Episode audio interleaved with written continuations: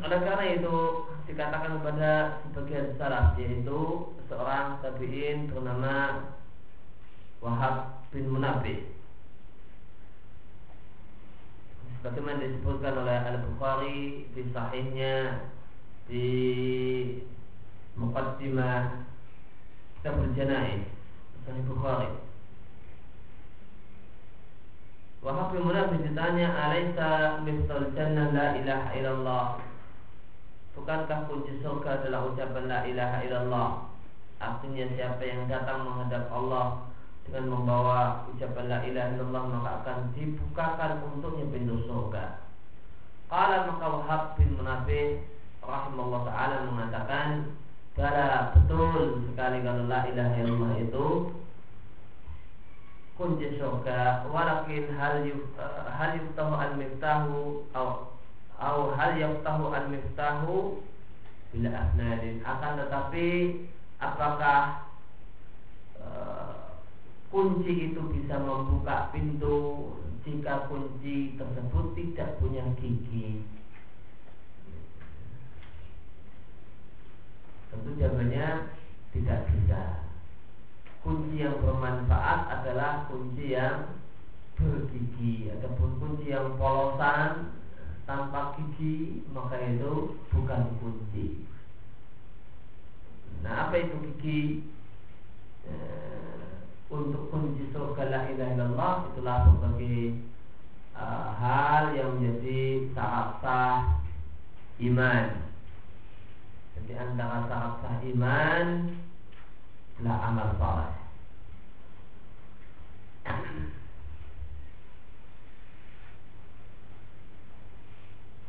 Supaya Nabi memberikan kabar gembira kepada orang-orang yang beriman. Siapa itu orang-orang yang beriman? Orang-orang yang beriman adalah orang-orang yang mengimani semua perkara yang wajib diimani. Dan Nabi Shallallahu Alaihi Wasallam telah menjelaskan hal-hal apa saja yang wajib diimani kepada Jibril ketika Jibril bertanya kepada Nabi tentang pengertian iman. Maka Nabi Shallallahu Alaihi Wasallam mengatakan engkau beriman kepada Allah, malaikat-malaikat Allah, kitab-kitab suci yang Allah turunkan, para rasul yang Allah kirim, hari akhir dan beriman dengan takdir baik yang baik ataupun yang buruk. Dan orang yang beriman adalah orang yang alladzina ya'maluna shalihat. Mereka adalah orang-orang yang mengerjakan melakukan amal saleh. Artinya mereka melakukan amal saleh.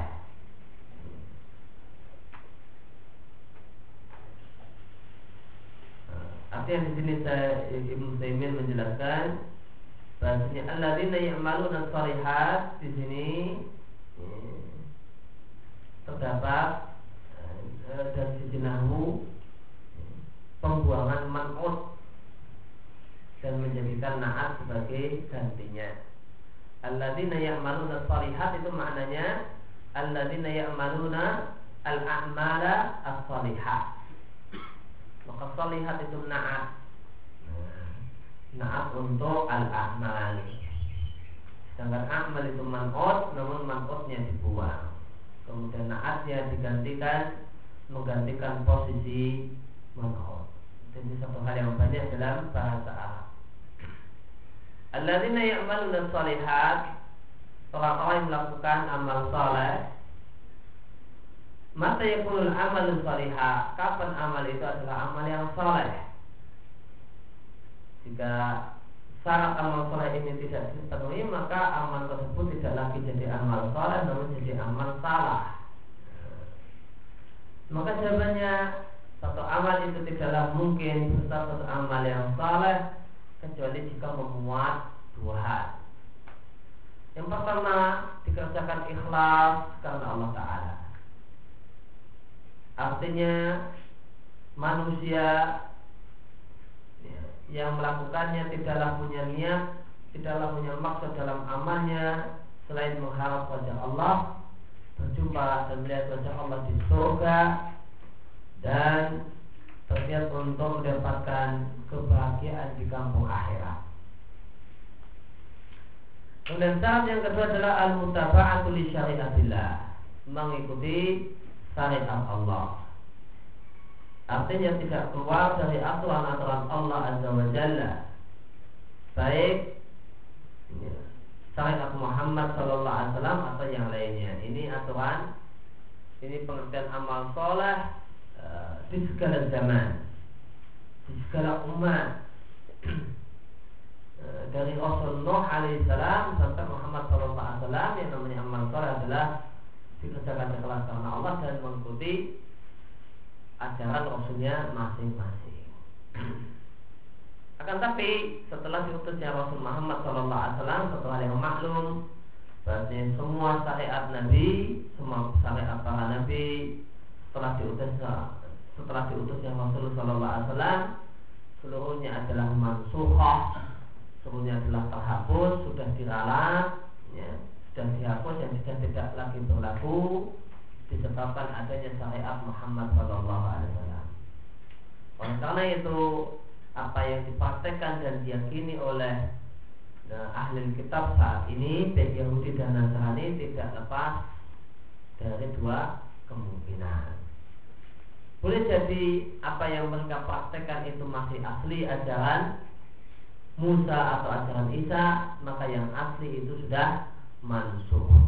Kemudian yang kedua, boleh jadi yang mereka praktekkan nah, ya, yang mereka praktekkan adalah bukan ajaran Isa, bukan ajaran Musa. Maka itu bid'ah yang dibuat oleh pendeta-pendeta mereka. Ya. Atau bahkan itu mengubah dari yang asli. Maka itu tahyir, imma tahyir, imma jadi itu adalah e, perubahan ataupun telah diganti-ganti dari ajaran yang asli. Maka apa yang dipraktekkan oleh orang ahli kitab, Nasrani ataupun Yahudi saat ini tidak lepas dari dua kemungkinan ini. Yang masih asli, maka statusnya sudah tidak lagi berlaku, sudah mansuh, ya, sudah uh, sudah tidak lagi sudah tidak lagi zamannya karena telah dihapus dengan syariat Muhammad SAW. Kemungkinan yang kedua adalah uh, sudah tidak lagi sudah bukan asli ajaran Nabi Muhammad um, Isa atau Musa alaihi salam akan tetapi buatan pendeta atau perubahan otak atik pendeta terhadap ajaran kitab suci.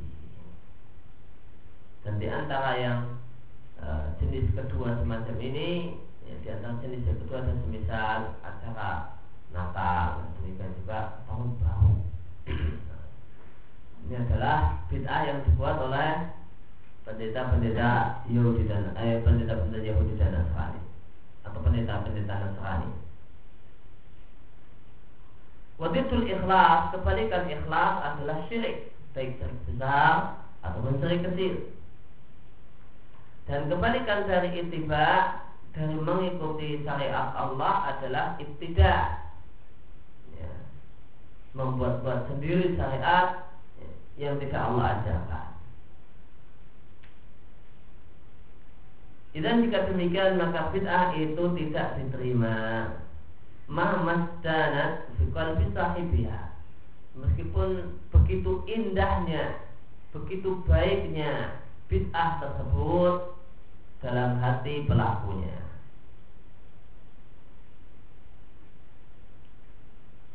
Dan seorang pelaku bid'ah itu tidak mungkin melakukan bid'ah sampai dia beranggapan kalau apa yang dilakukan sudah satu hal yang baik dan indah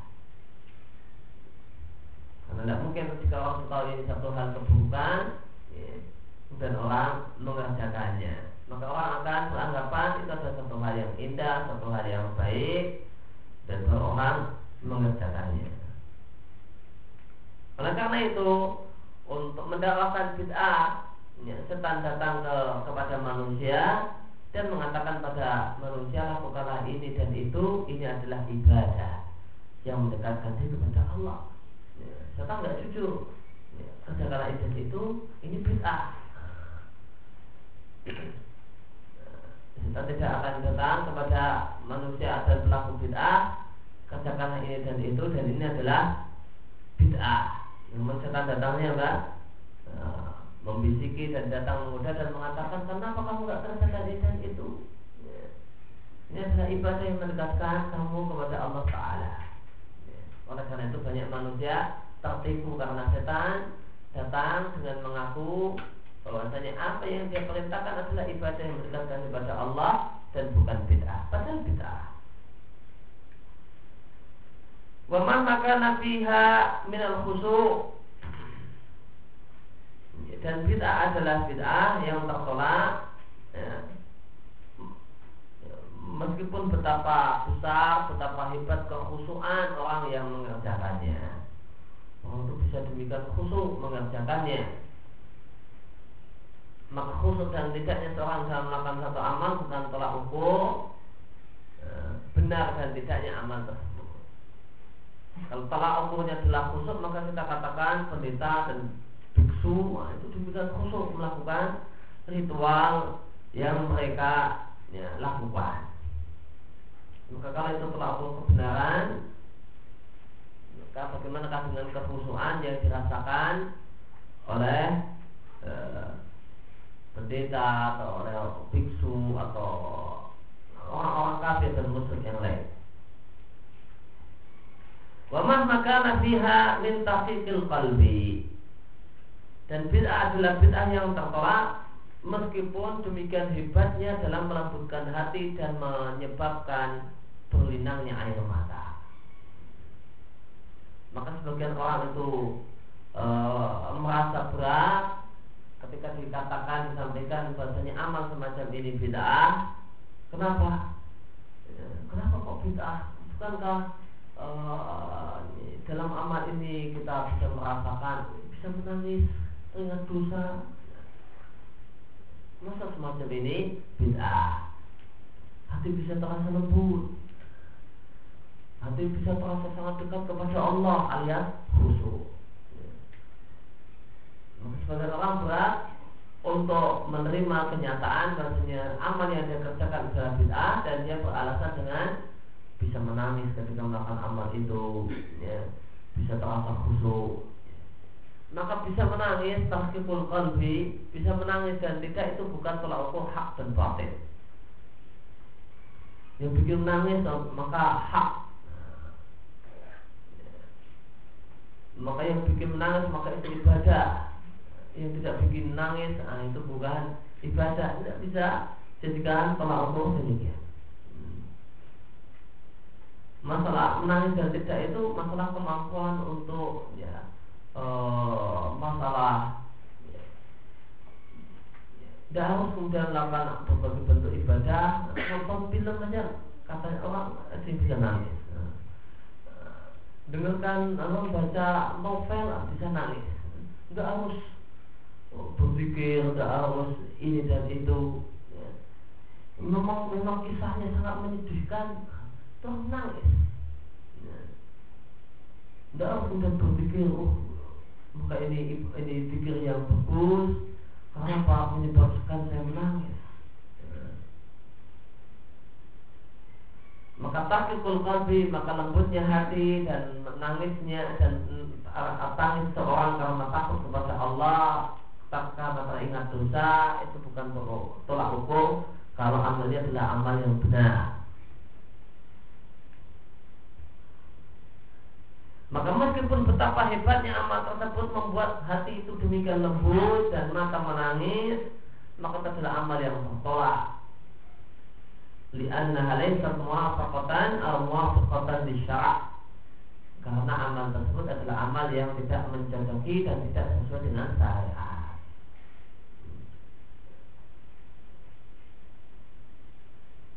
Dan di sini cetakannya ditebalkan menunjukkan pentingnya kalimat ini.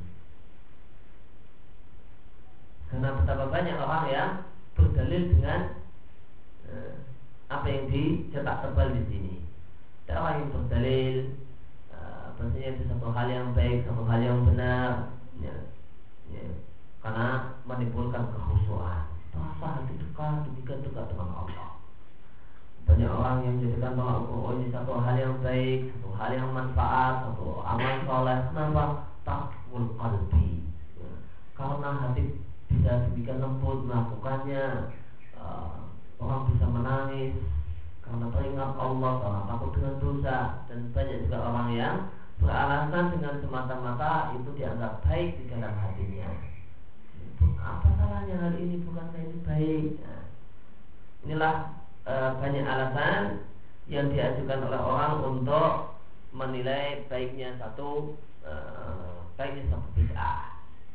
Boleh jadi mereka dengan perasaan ya.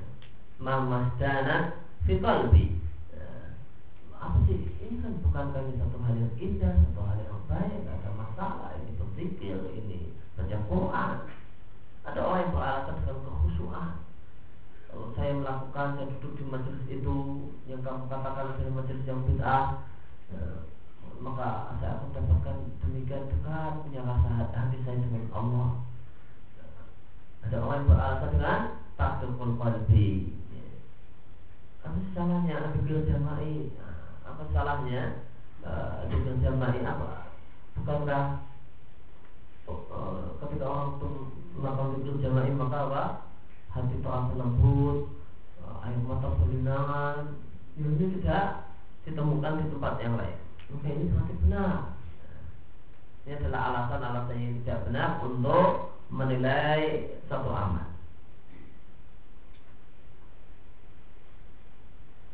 Melihat dan aku oleh karena itu kami katakan bahasanya semua bid'ah betapapun dianggap baik oleh pelakunya maka semua bid'ah itu tidak diterima. Bahkan semuanya adalah kesesatan sebagaimana dikatakan oleh Nabi Shallallahu Alaihi Wasallam.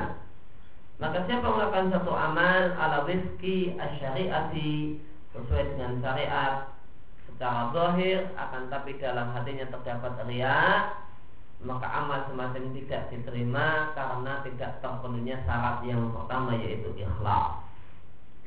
Adapun orang yang melakukan satu amal demikian ikhlas karena Allah akan tapi tidak sesuai dengan syariat juga tidak diterima.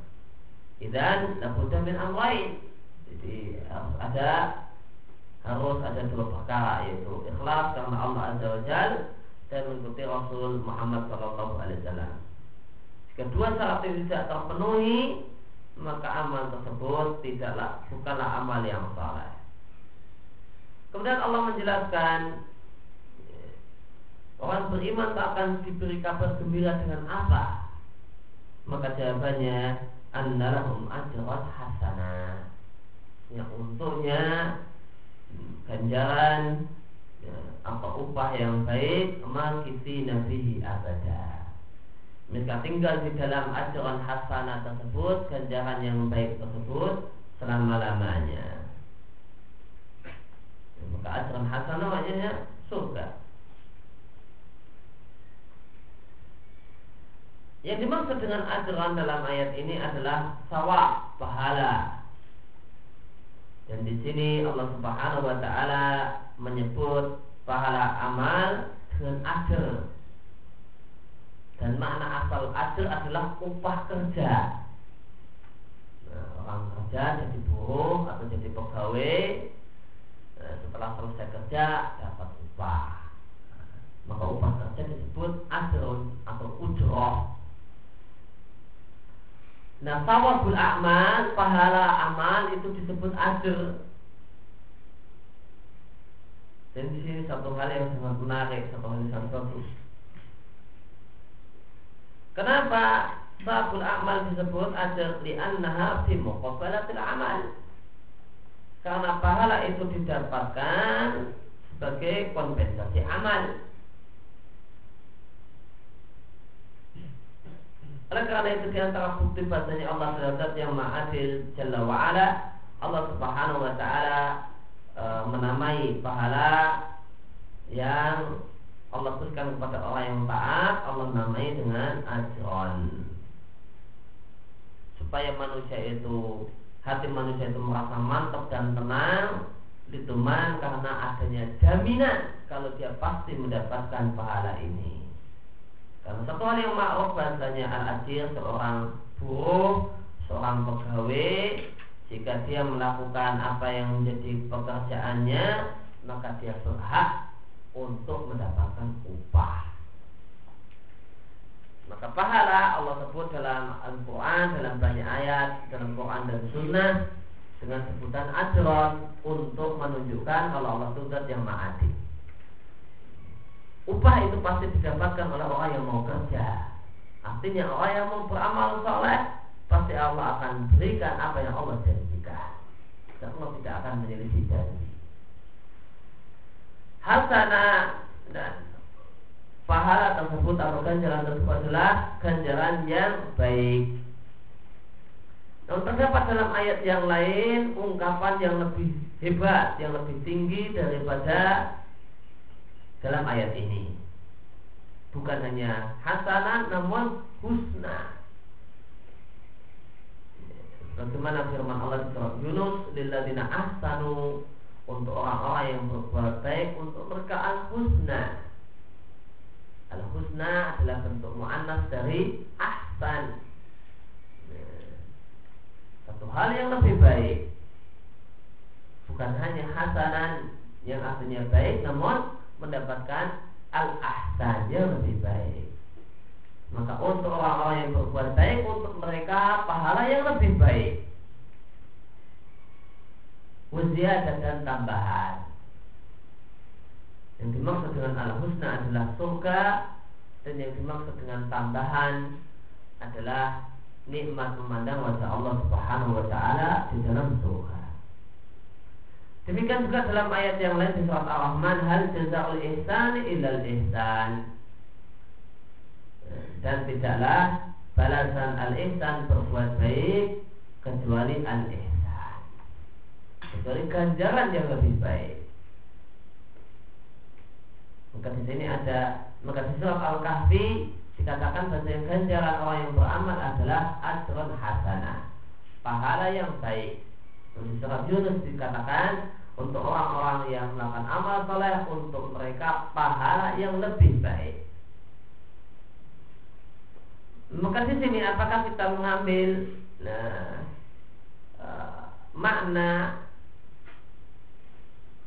yang menunjukkan kesamaan yaitu baik ataukah kita ambil yang lebih sempurna yaitu ganjaran yang lebih baik maka jawabannya kita ambil yang menunjukkan makna lebih sempurna.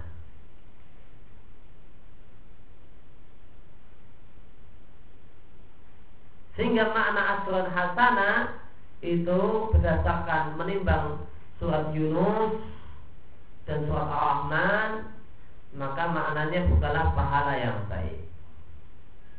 Ya, bukanlah pahala atau ganjaran yang baik, akan tapi maknanya adalah ya, pahala yang baik dalam pengertian ahsanu syai. Ya, pahala yang baik di sini maksudnya adalah pahala yang paling baik pahala yang terbaik. Wala syaka bihada dan itulah kita ragu e, dan itulah kita melakukan hal ini bahasanya pahala yang Allah berikan pada orang yang beriman adalah pahala yang terbaik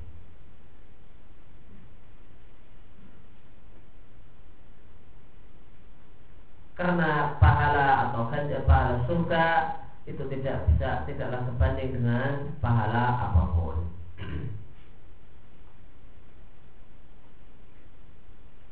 Dan Allah katakan makiti nabi abada. Orang-orang yang beriman akan tinggal di dalam pahala yang baik tersebut atau pahala yang terbaik tersebut yaitu surga abadan selamanya.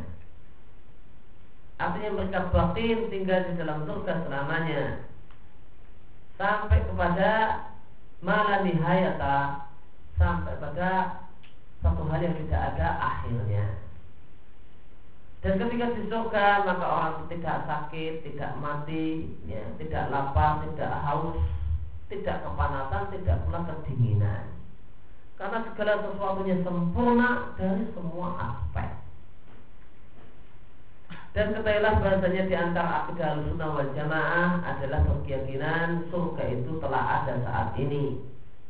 Dan surga itu adalah mu'abbadatun satu hal yang dikekalkan. Surga itu makhluk Allah. Ya. Dan sifat makhluk itu fana. Kecuali jika Allah berkehendak Untuk mengekalkannya Maka di antara makhluk yang Yang Allah ciptakan dan Allah kehendaki untuk kekal adalah Surga, neraka, dan yang lainnya. Demikian juga di antara akidah al-sunnah Neraka saat ini sudah ada Dan neraka itu adalah mu'abadatun Dikekalkan Artinya dia bukan kekal dengan sendirinya Namun dia kekal karena kehendak Allah Ta'ala. Adapun yang kekal dengan sendirinya Maka itu hanyalah Allah Subhanahu wa ta'ala. Adapun makhluk yang kekal Maka kekal bukan karena sendirinya Namun kekal karena dikekalkan oleh Allah. Namun kekal karena Allah menghendakinya Untuk kekal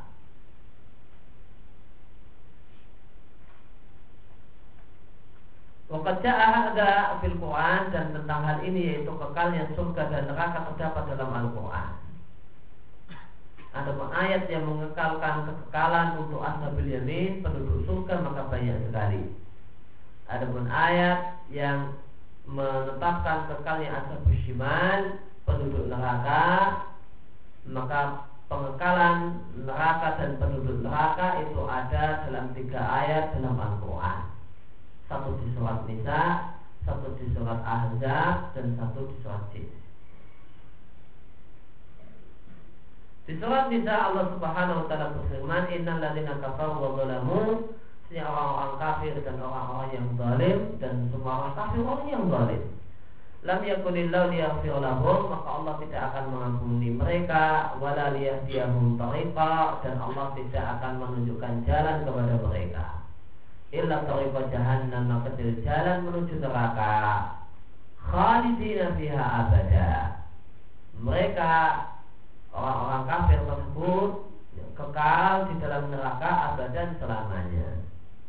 Jika orang kafir penghuni neraka itu kekal di dalam neraka maka berarti nerakanya kekal.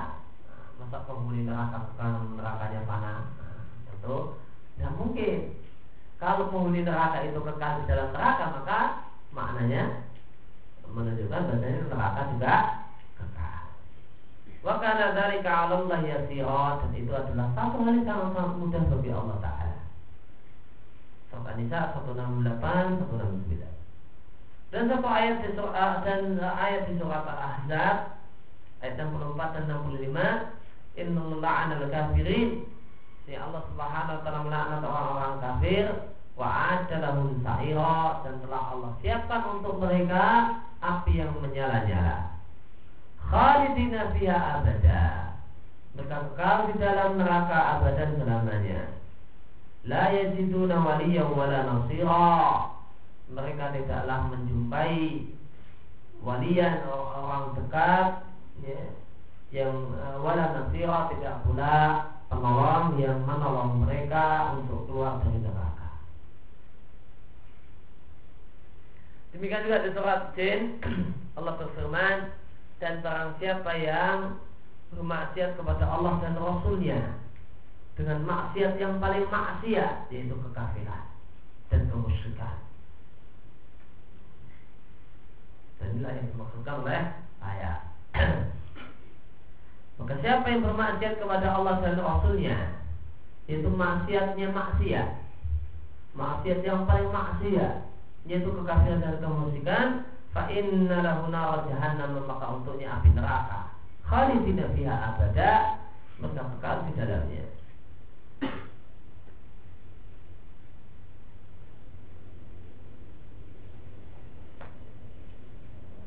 Ayat ini surat Jin 23 adalah di antara ayat yang digunakan oleh ya, Khawarij dan Mu'tazilah untuk mengatakan bahasanya pelaku dosa besar itu kekal di neraka.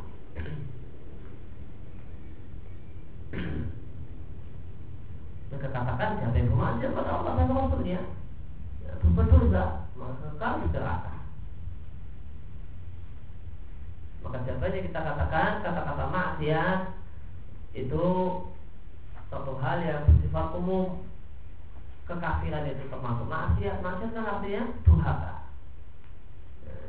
Maka kekafiran itu adalah durhaka kepada Allah. Orang yang akan kemusikan juga durhaka kepada Allah. Demikian juga orang yang berbuat zina orang yang minum khamr ya. dan orang yang melakukan dosa kecil itu juga semuanya durhaka kepada Allah.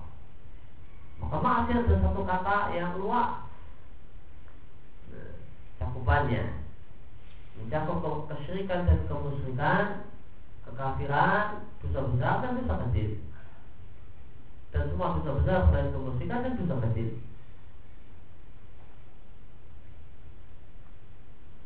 Oleh karena itu maka e, untuk sholat jin maksiat apa yang Allah maksudkan perlu kita jelas, perlu kita lihat dengan ayat dan dalil yang lain. Nah berdasarkan ayat dan dalil yang lain terdapat penjelasan bahasanya yang kesimpulannya maksiat yang dimaksudkan dalam ayat ini adalah kekafiran dan kemusyrikan yaitu kemaksiatan yang paling maksiat. Adapun kemaksiatan yang tidak sampai level demikian yang dibawa mati maka orangnya tidak kekal di neraka terdapat hadis yang mutawatir tentang adanya syafaat dan berbagai dalil yang lain.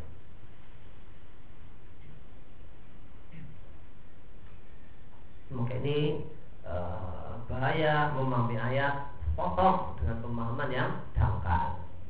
Nah, maka terjumus dalam kesesatan sehingga dikira semua pelaku maksiat kekal neraka. Waidakan salah satu ayat Maka jika terdapat tiga ayat dalam Al-Quran Dalam kitab Allah Azza wa Jal Tegas menunjukkan abadinya neraka Maka tidak sempatnya ada khilaf tentang ya, eh, Tentang apakah neraka itu kekal atau tidak. Di Al-Sunnah bersepakat kalau surga itu kekal. Al-Sunnah sepakat bahasanya surga itu kekal. Jannah itu kekal.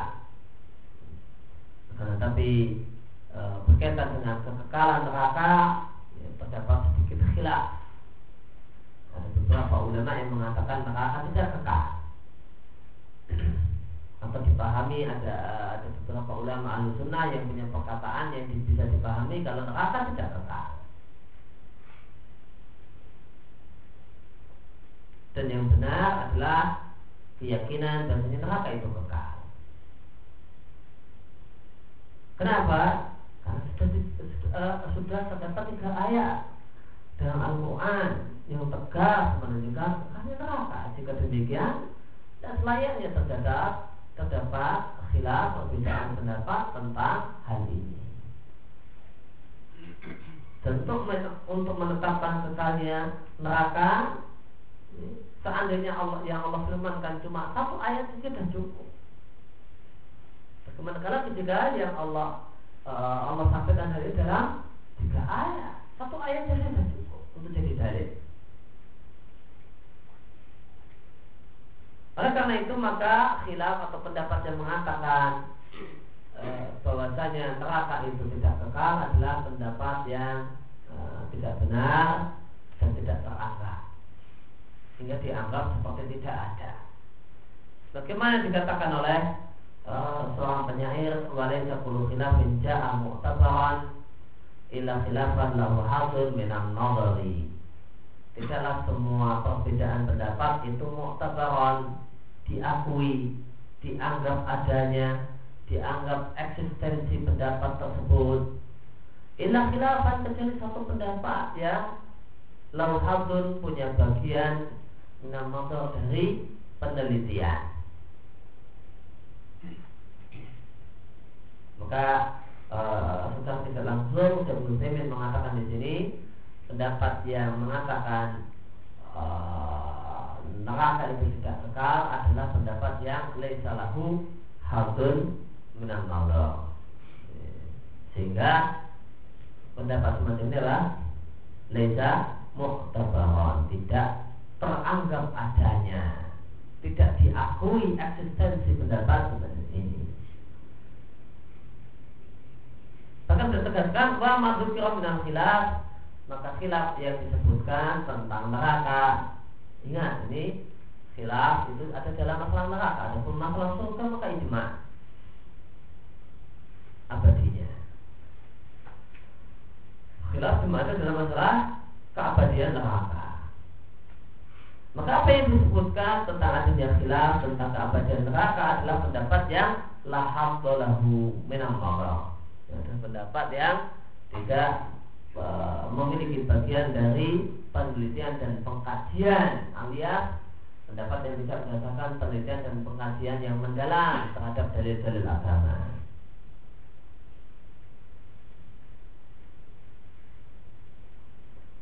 Bagaimana mungkin Allah yang sang pencipta yang maha mengetahui telah mengatakan bahasanya penghuni neraka itu kekal selamanya dalam neraka. Kemudian ada yang masih mengatakan tidak tidak kekal. Ini satu hal yang sangat-sangat aneh. Bahkan min arofi mayakun ini adalah pendapat yang paling aneh. Kemudian perhatikanlah satu faedah dalam akidah al-sunnah wal jamaah bahwa surga dan neraka telah adalah makhluk dua makhluk ciptaan Allah yang telah ada saat ini. Kenapa al-sunnah meyakini saat ini detik ini neraka dan surga sudah ada? Karena Allah sebutkan dalam ayat tentang masalah surga, uiddat telah disiapkan. Dan tentang neraka Allah katakan uiddat lil kafirin telah disiapkan untuk orang-orang kafir dan menggunakan kata-kata lampau ini menunjukkan bahasanya neraka sudah ada, surga juga sudah ada. Kemudian poin yang kedua, poin penting yang kedua tentang iman dengan surga dan neraka adalah kita berkeyakinan bahwa surga dan neraka itu adalah dua makhluk yang abadi. Keduanya tidak binasa. Lahuma Tidaklah binasa surga dan neraka Tidak pula binasa Orang yang ada dalam surga dan neraka Sebagaimana telah kalian dengar dan telah kalian baca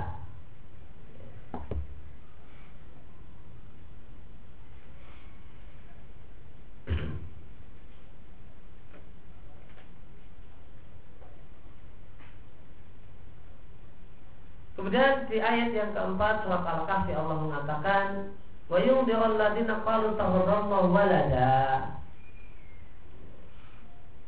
supaya Allah Subhanahu wa supaya Rasul Muhammad sallallahu alaihi wasallam memberikan kabar takut menakut-nakuti orang-orang yang mengatakan bahasanya Allah punya anak. Malahum fihi min ilmin walali abaihim. Di dalam mereka tidak pula nenek moyang mereka punya ilmu tentang masalah ini.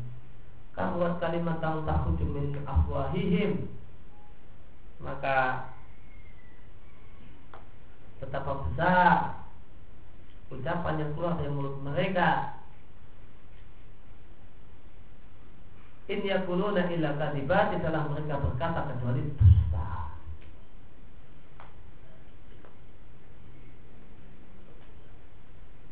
Maka ayat ini ayat yang keempat dari surat Al-Kahfi ini adalah sebagai penjelas untuk uh, ayat sebelumnya yang sebagiannya masih kurang jelas.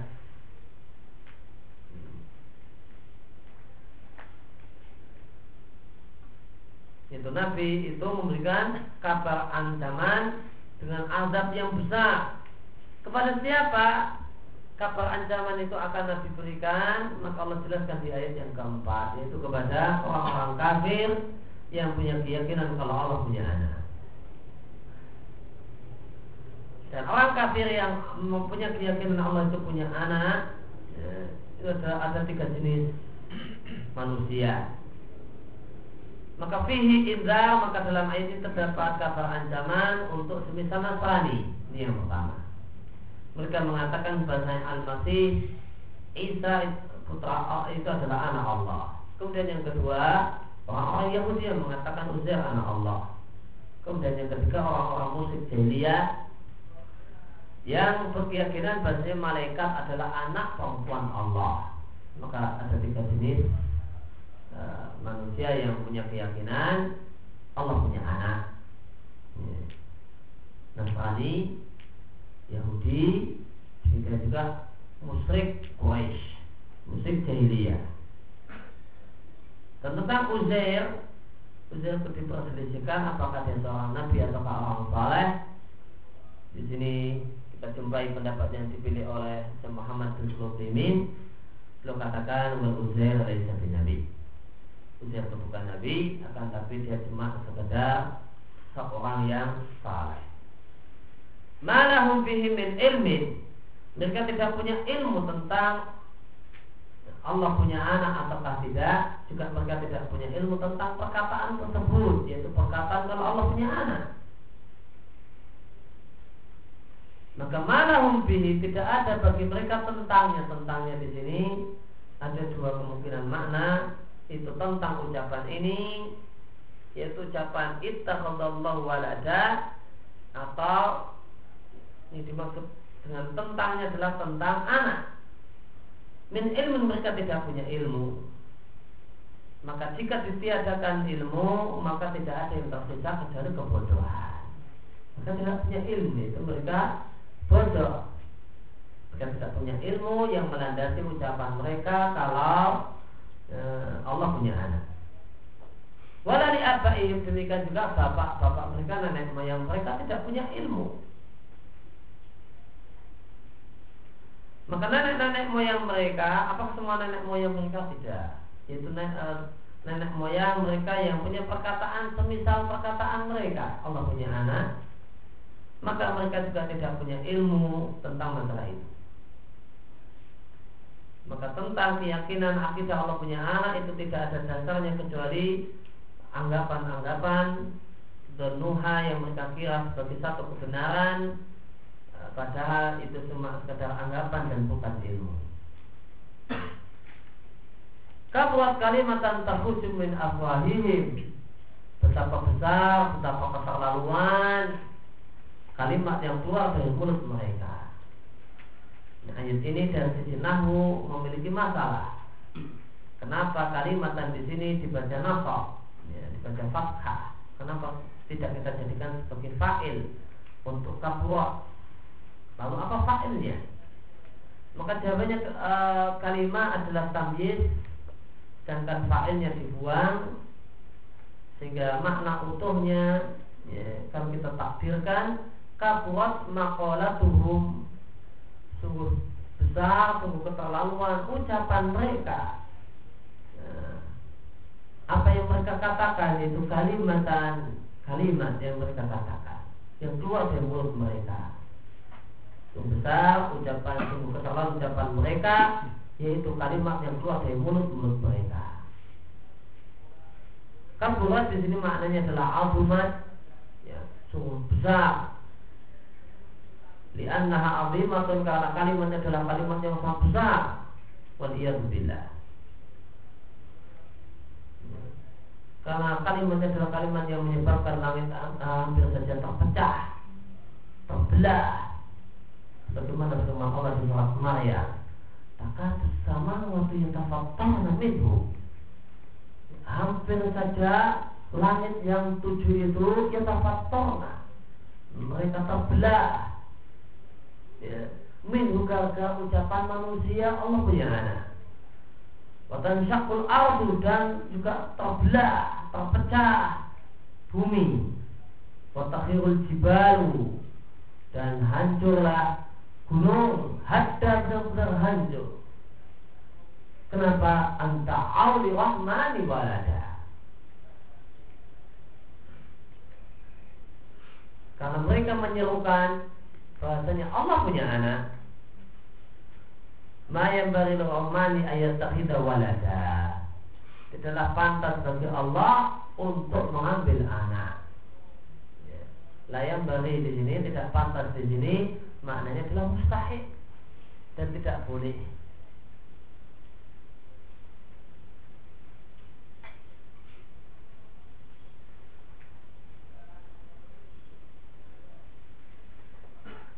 Kenapa mustahil dan tidak boleh? In kullu man fis samawati wal ardi illa ati rahmani abda.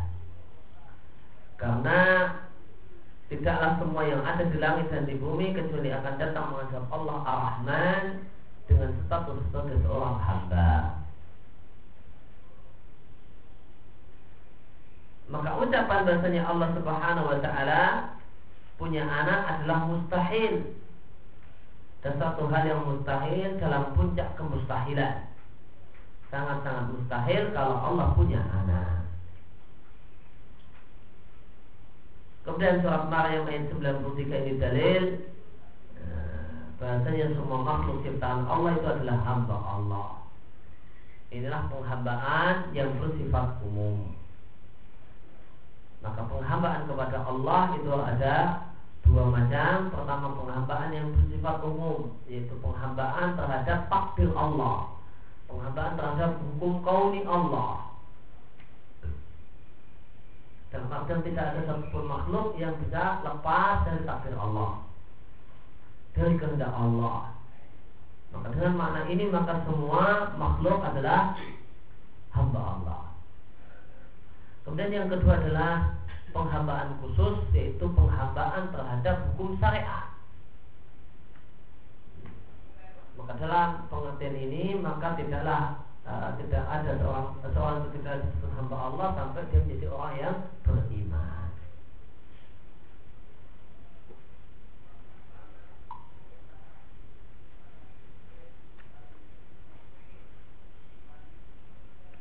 Jika ada yang bertanya, bukankah Allah berfirman, Kul ingkana lirahmani waladun fa'ala awwalul abidin. Katakanlah jika Allah itu punya anak, maka aku adalah awalul abidin, orang yang pertama kali menyembahnya.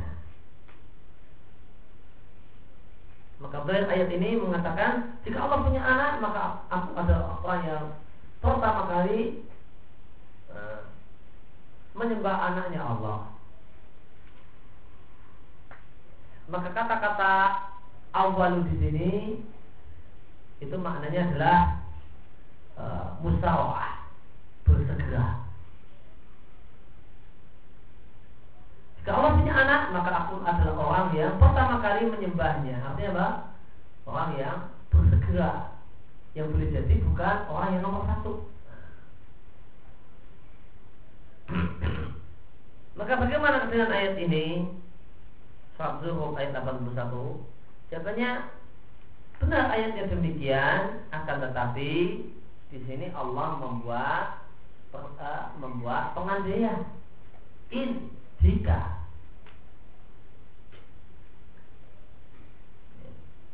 Akan tapi Allah subhanahu wa ta'ala menggantungkannya dengan satu pengandaian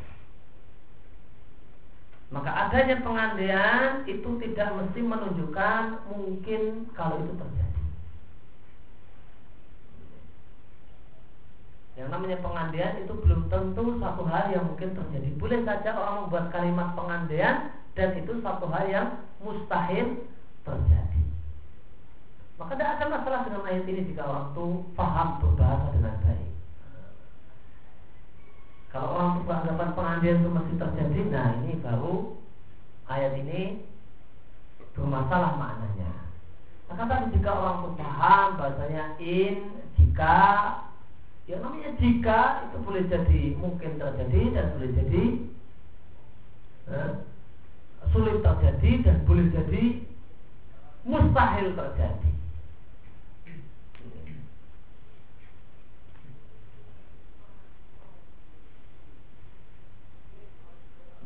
Orang yang miskin kemudian mengatakan jika saya orang kaya, orang yang kiri miskin, ya, dan mengatakan jika saya, saya kaya, saya akan begini dan begitu. Ini satu hal yang pengajian dan sulit terjadi. Ya, perhitungan di atas kertas sulit. Meskipun ya mungkin saja dia jadi orang kaya, ya kan? Dan ada ada pengandaian dan itu statusnya mustahil terjadi. Jika aku burung, aku akan terbang mengelilingi dunia. pengandaian dengan sesuatu hal yang 100% mustahil terjadi. Maka tidak ada masalah dengan ayat ini seandainya orang itu paham bahasa. Ya, namun ya, ayat itu bermasalah karena orang itu tidak paham berbahasa.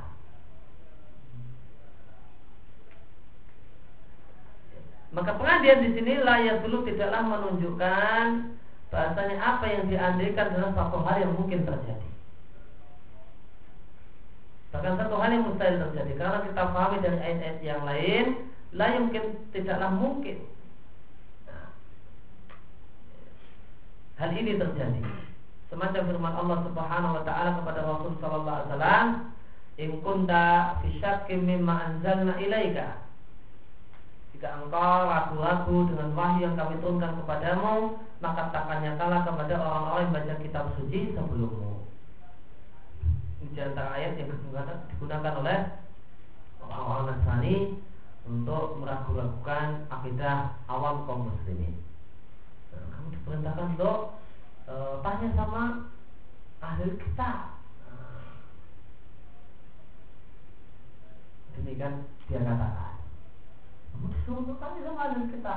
Bahkan Nabi disuruh tanya sama ahli kita maka ayat tidak ada masalah dengan ayat ini jika orang itu tak paham bahasa berbahasa dengan baik. Ayat ini cuma mengatakan ingkunta jika jika itu apa mesti terjadi? Tidak mesti terjadi. Bahwa dan pada Nabi Wasallam tidaklah mungkin ragu-ragu akan tetapi ayat ini cuma ala fardil amri. Seandainya kita andaikan Nabi itu ragu-ragu. Dengan pengandaian yang layak kau tidak mungkin terjadi maka Allah perintahkan tanya kepada ahli kita.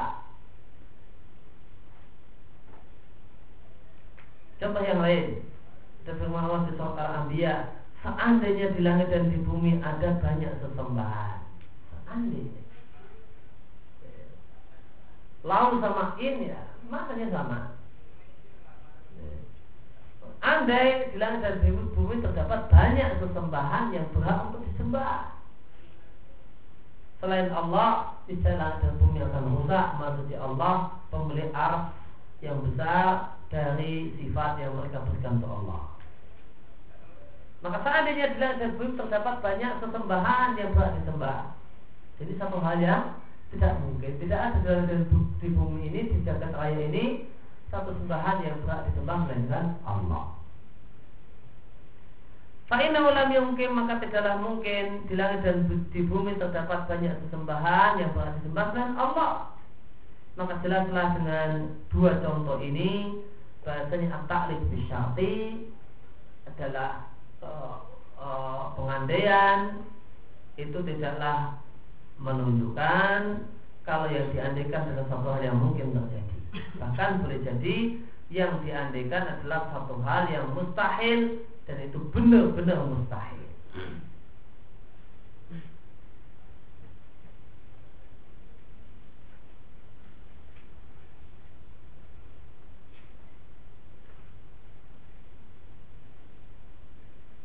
Ya, demikian yang kita akan